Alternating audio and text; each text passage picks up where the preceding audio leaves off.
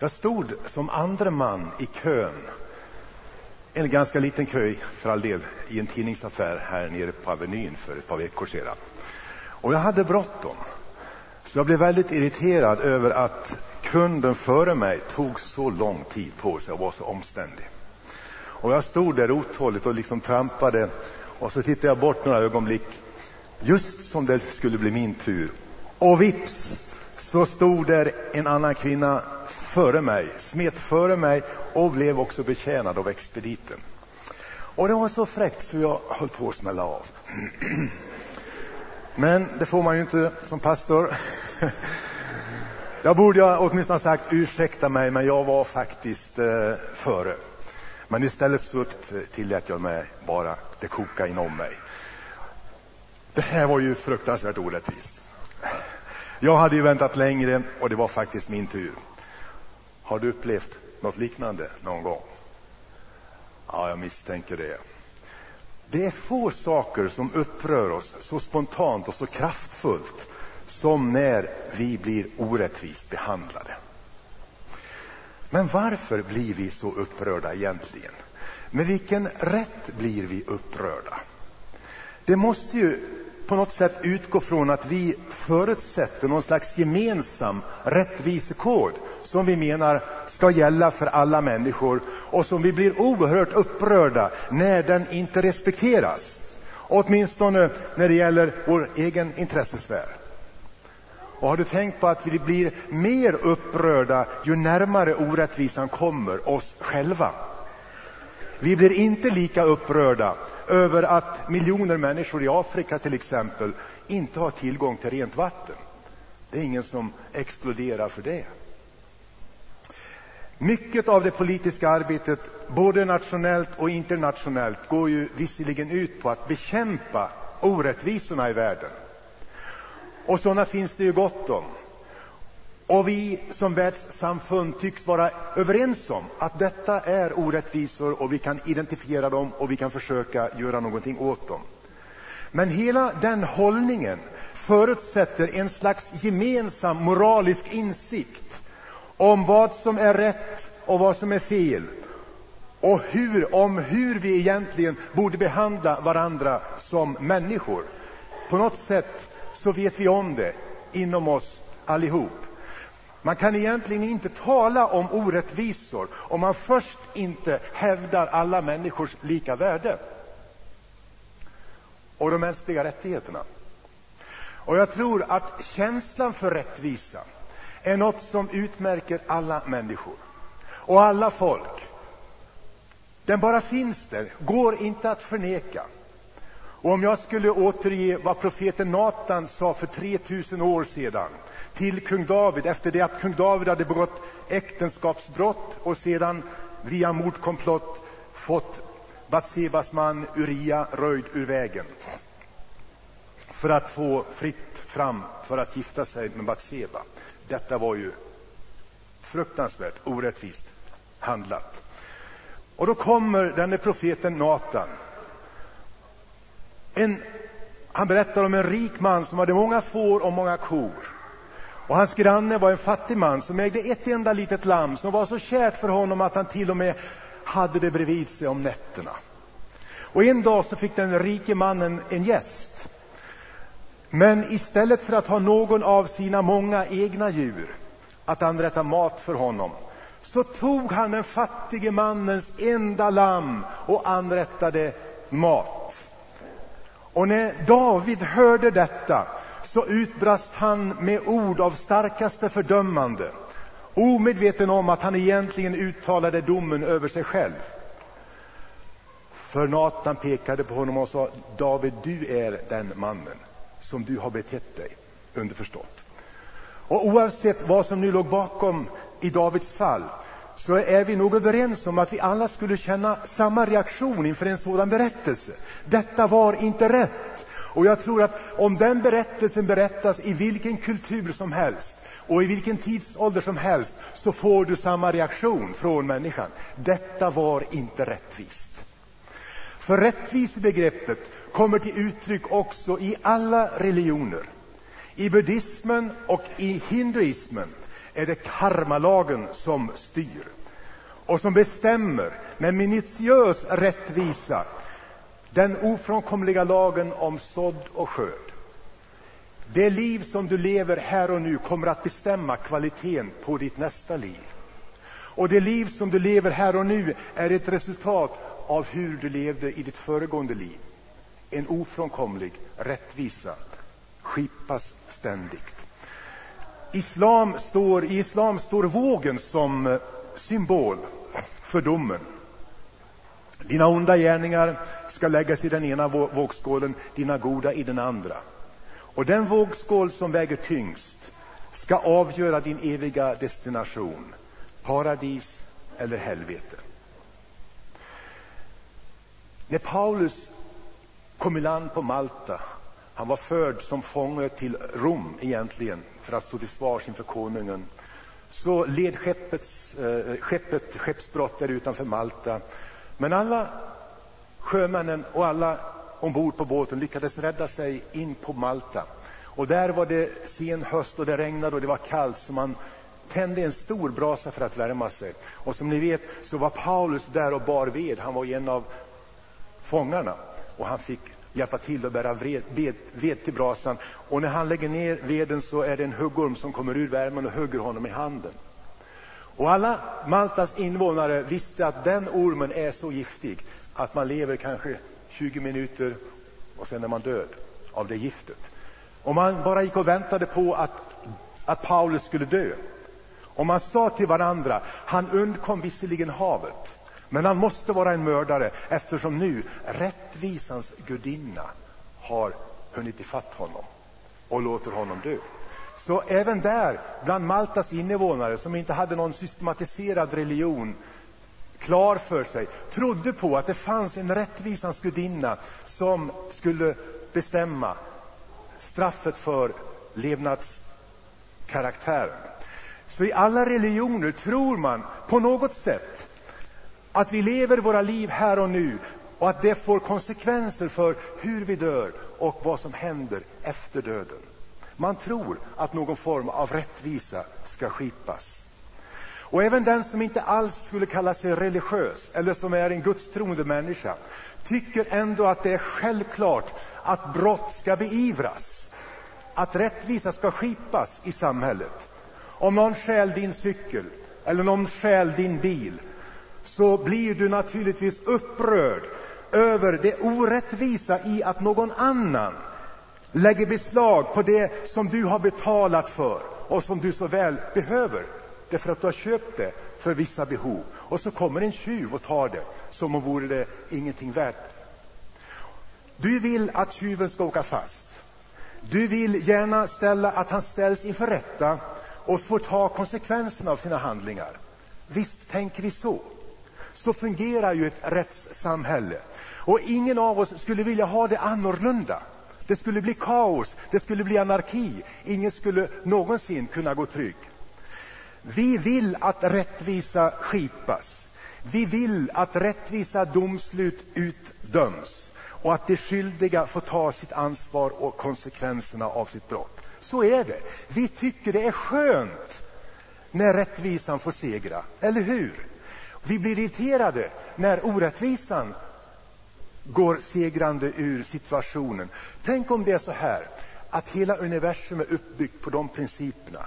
Att Gud störs av orättvisans framfart på jorden och att Gud ska se till att rättvisa en dag ska skipas till lättnad för alla. Kanske inte de som känner att de måste ta ansvar för sina handlingar. Trots allt en gång. Tyvärr vet vi att inga mänskliga domstolar kan döma helt rättvist. De flesta brott som begås kommer inte ens att bli uppklarade. De ligger på polismyndigheternas bord som ouppklarade eh, mål och de kommer aldrig att kunna klaras upp. De flesta brottslingar dras aldrig inför rätta. De grova brottslingarna går ofta fria. Diktatorer och krigsförbrytare är ofta oåtkomliga för rättvisans arm. Och i världen i stort så är vi tyngda av orättvisor som vi själva är med och skapar. Medan vi här hemma i Sverige nu börjar förbereda oss för ännu en jul, så är det enligt prognoserna så att vi kommer att slå nytt försäljningsrekord. Så når oss samtidigt rapporterna om svältande barn och flyktingar i Darfur och på många andra ställen i vår värld. Var finns rättvisan till exempel mellan Sverige och Etiopien? Och om vi drar ner det mer på personlig nivå. Den som drabbas av en olycka, en svår olycka, som kanske lämnar dig handikappad på något sätt, eller en svår sjukdom som begränsar framtiden av ditt liv, så är det lätt att man ställer frågan varför skulle detta hända mig?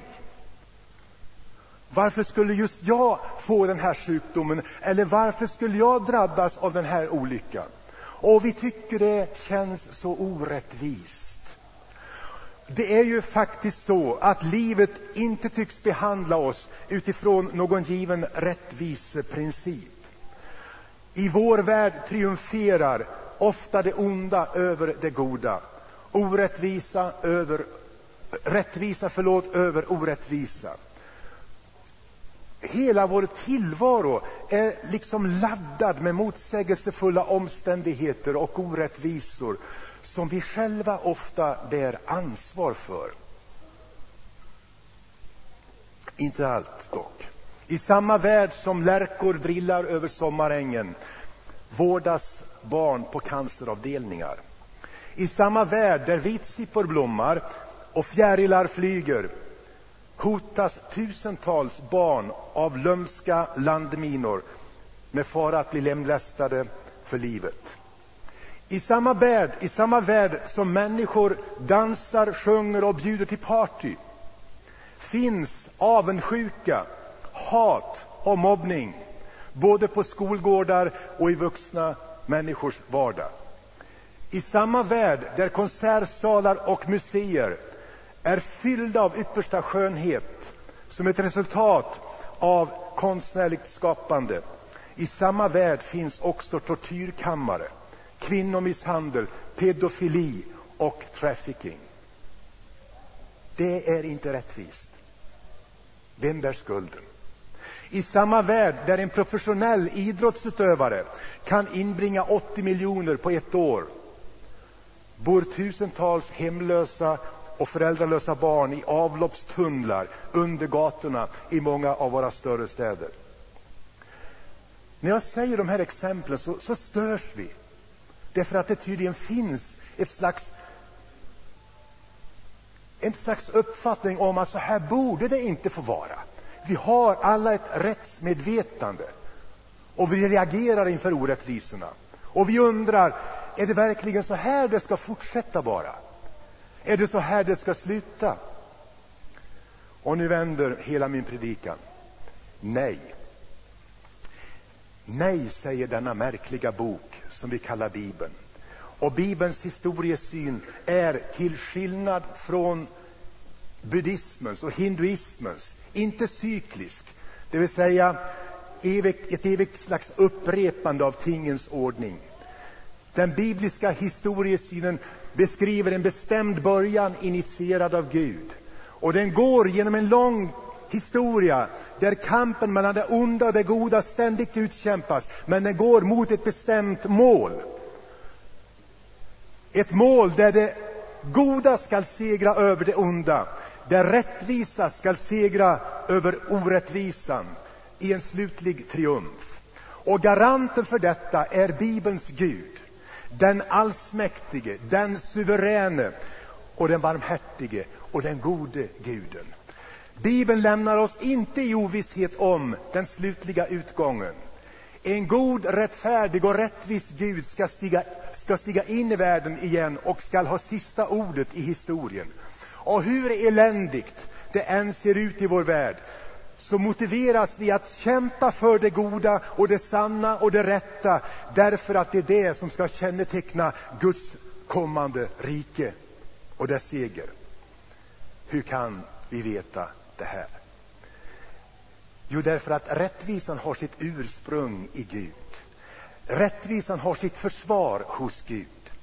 För Guds eget väsen är rättfärdighet och rättvisa. Och tänk om det är så här att din och min och alla människors egentliga passion för rättvisa som vi avslöjar ständigt när vi blir orättvist behandlade. Vi har en passion för rättvisa. Tänk om det är ett tecken på vårt släktskap med Gud. Tänk om det beror på att vi en gång blev skapade till Guds avbilder och fick ett så kallat samvete som ligger till grund för vår uppfattning i de här sakerna. Att vi blev skapade med ett medvetande om vad som är rätt och fel. Eller varifrån kommer egentligen samvetets röst? Bibeln framställer mycket klart att Gud själv som grunden till all rättvisa och den blir tydligt inpräntad i Mose lag som han gav till folket i Gamla testamentets tid. Gång på gång så står det, du ska inte i någon sak förvränga rätten för den fattige. Du ska inte ta mutor. Du ska inte handla orätt när du dömer. Du ska varken gynna den fattige eller den rike. Rättvist ska du döma dina landsmän. Herren är med dig när du dömer, säger kung Josua till de nyinsatta domarna. Kung Josafat, förlåt. Han säger, fruktan för Herren ska vägleda er i ett arbete. Så ge noga akt på vad ni gör. Till hos Herren vår Gud finns ingen orätt, finns ingen orättvisa.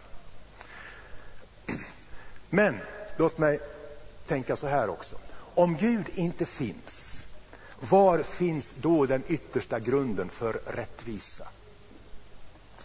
Om det är som Dostojevskij uttrycker det i Bröderna Karamazov.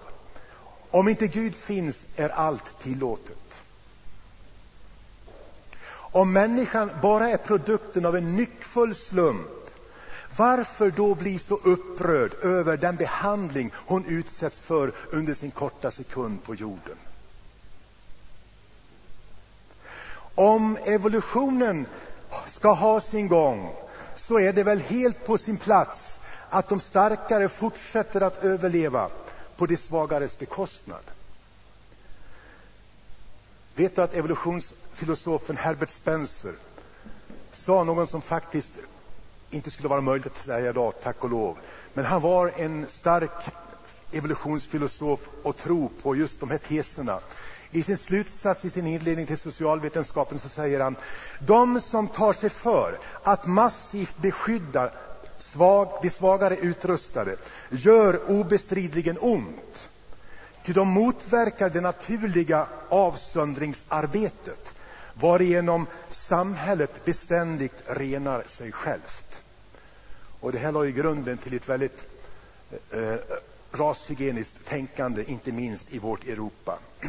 Utifrån det synsättet ansåg man att det inte alls var dåligt att många folkstammar i vår värld hade som sed att döda svaga barn för att maten skulle räcka till de bättre utrustade barnen.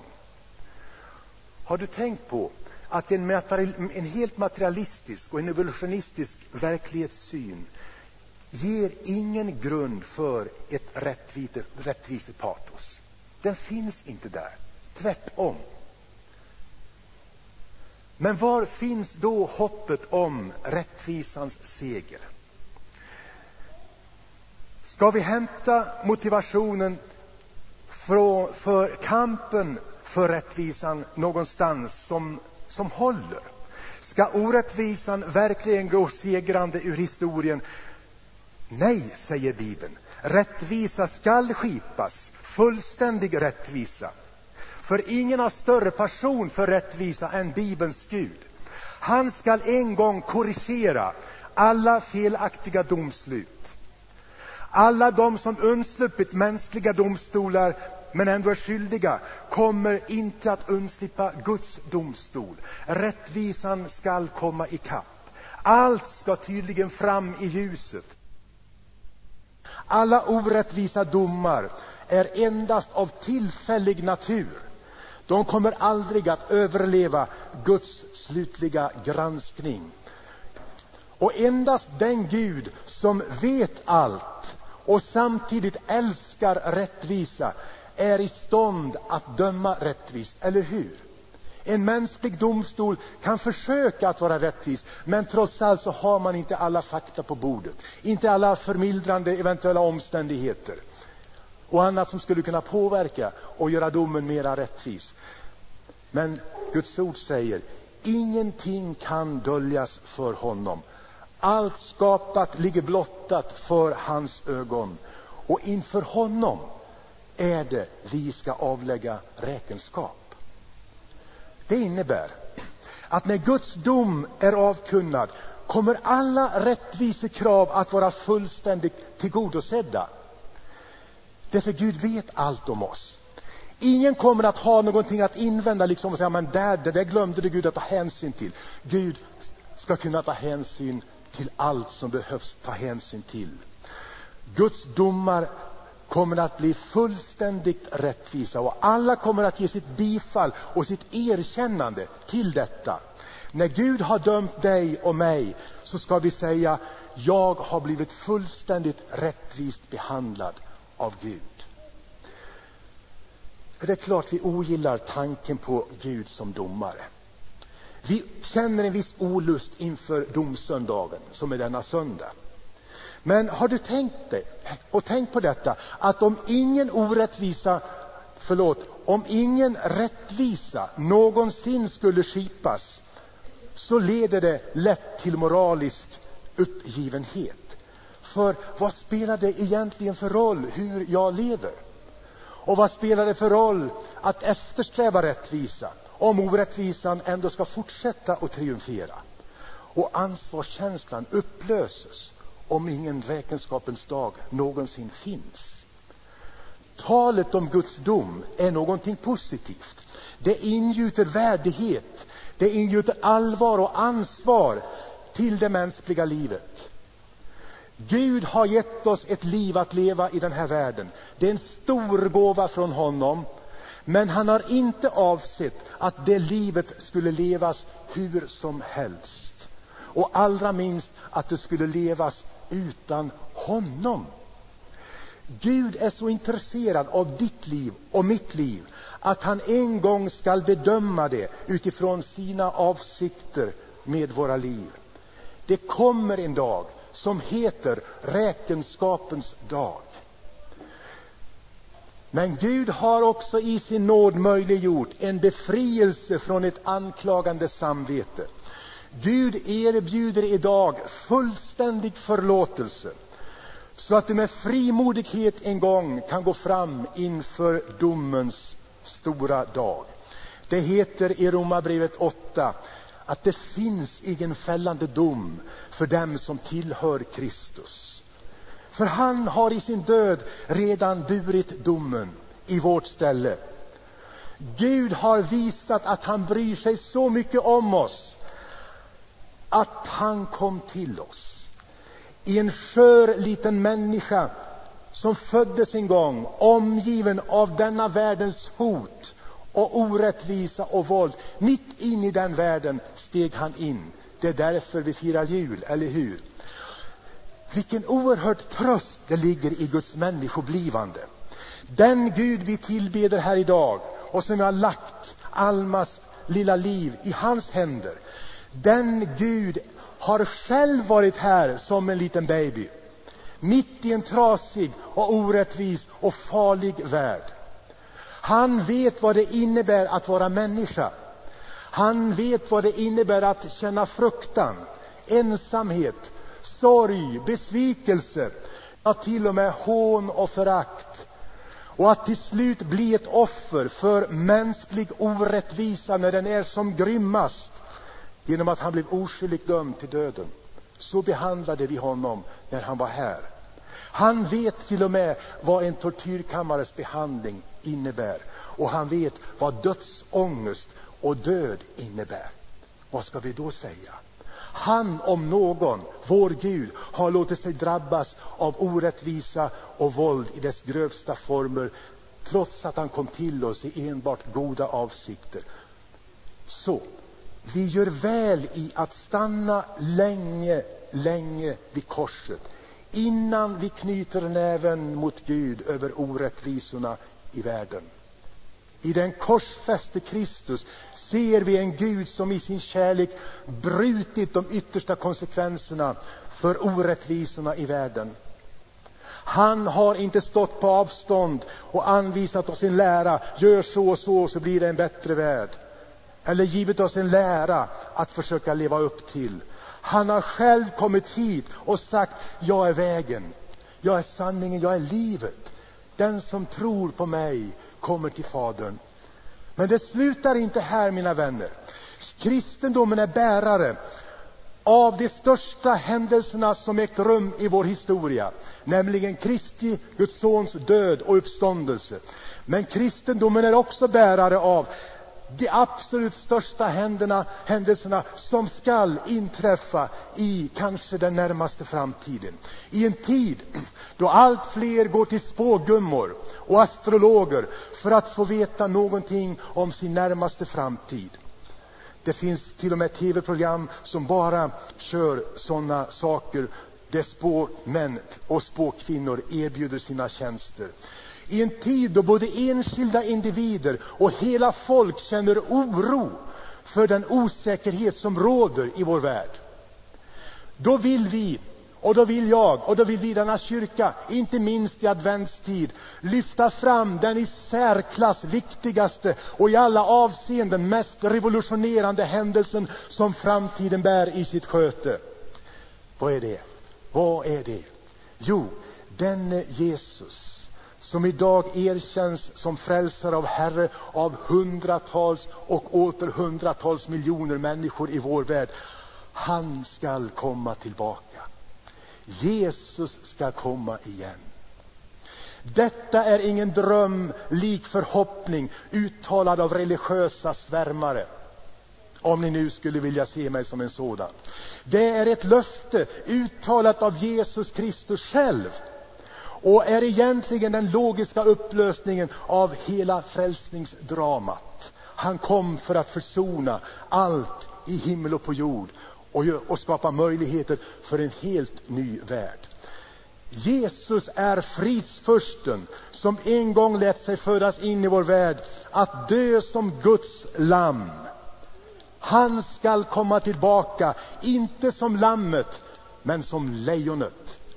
Den symbolen används därför att han nu, när han kommer tillbaka, skall uppträda som konungars konungar och herras herre, domare, för att upprätta Guds vilja och Guds rike på jorden.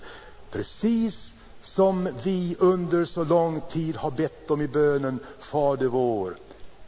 Tillkommer ditt rike, ske din vilja, det skall ske. Rättvisa och rättfärdighet ska stå som segrare över alla tiders ondska. All dom, står det, har Fadern överlåtit åt Sonen. Och lika säkert som han kom en första gång, lika säkert skall han komma en andra gång. Jesu tal i Matteus 24 är mycket allvarligt och det är ett av hans längsta tal. Det har inte till syfte att skrämma någon utan att ge oss en förvissning om att när det ser ut som det onda definitivt hade övertaget på jorden, då är Kristi tillkommelse och Guds rike som närmast. Och han varnar för falska messiasgestalter. Han varnar för falska profeter som ska bedra många människor. Och han säger vidare, ni kommer att höra stridslarm och rykten om krig.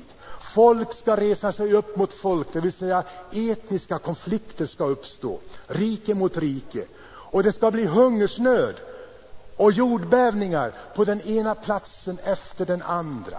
Och genom att laglösheten tilltar kommer kärleken att kallna hos de flesta. En svalnad kärlek, ett svalnat klimat människor emellan.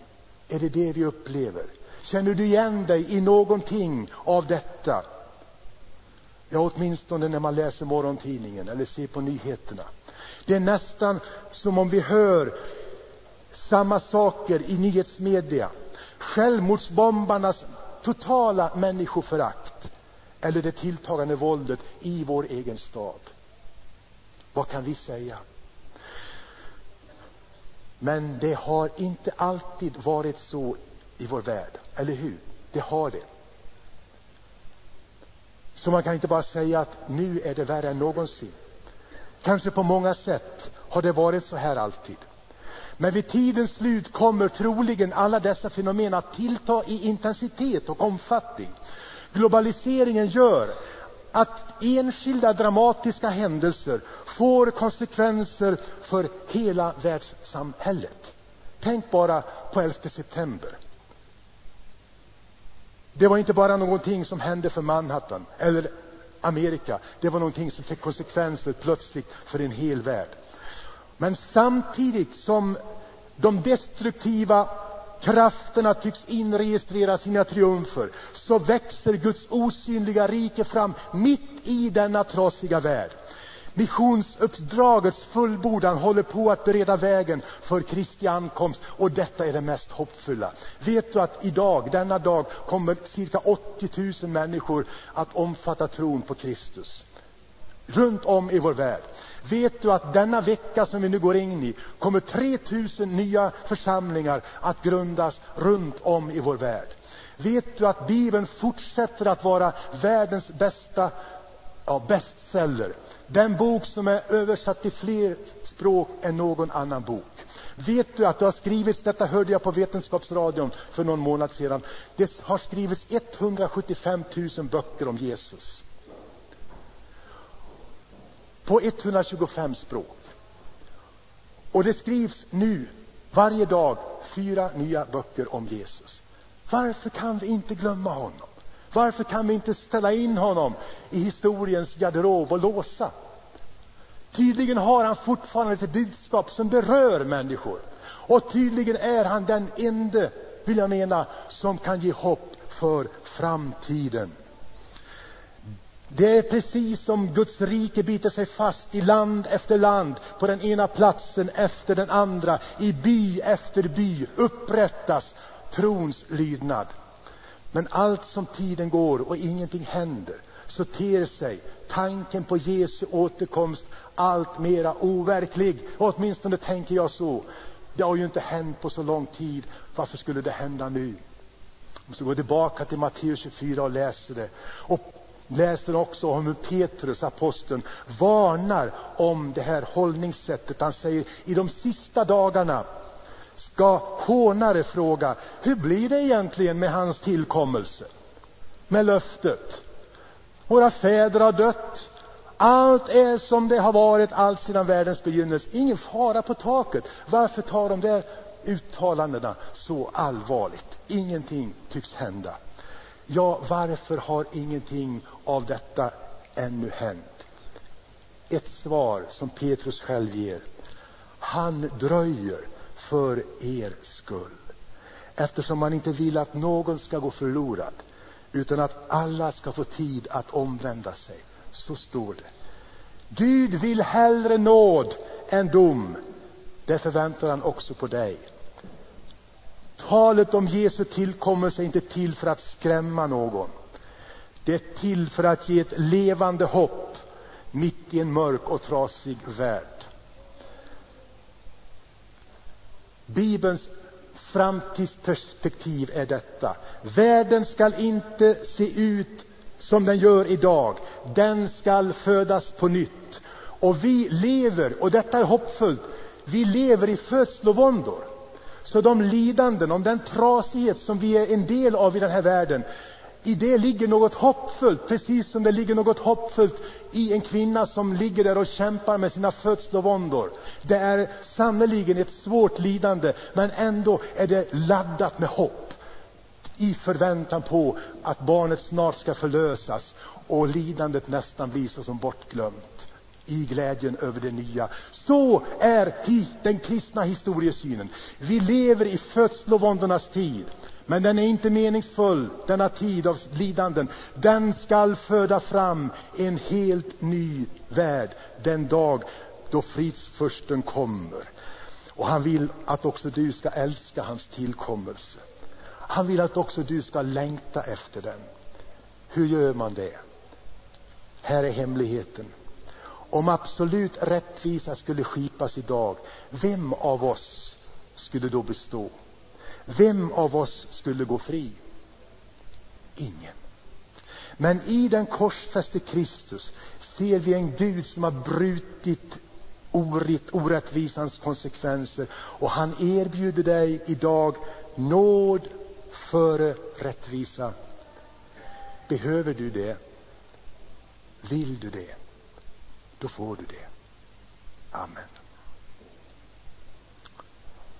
Käre gode Gud, vi tycker detta är så stora ord. Svåra att omfatta, svåra att begripa, svåra att förstå, svåra att tro kanske. Men eftersom det var du som sa det så tar vi det till oss därför att vi har förtroende för dig. Och nu ber vi i avslutningen av vår gudstjänst att den som på något sätt har berörts kanske för första gången i sitt liv ska säga jag vill också bli en av dem som längtar efter en ny värld där rättfärdighet och rättvisa bor. Jag ber dig för den människan just nu, Herre. Att hon viskar i sitt hjärta, hjärta Herre, kom in också i mitt liv. Låt mig få bli din. Att när jag en gång möter dig som domare är du samtidigt min vän och frälsare. Tack för nåd utöver nåd. I Jesu underbara namn. Amen.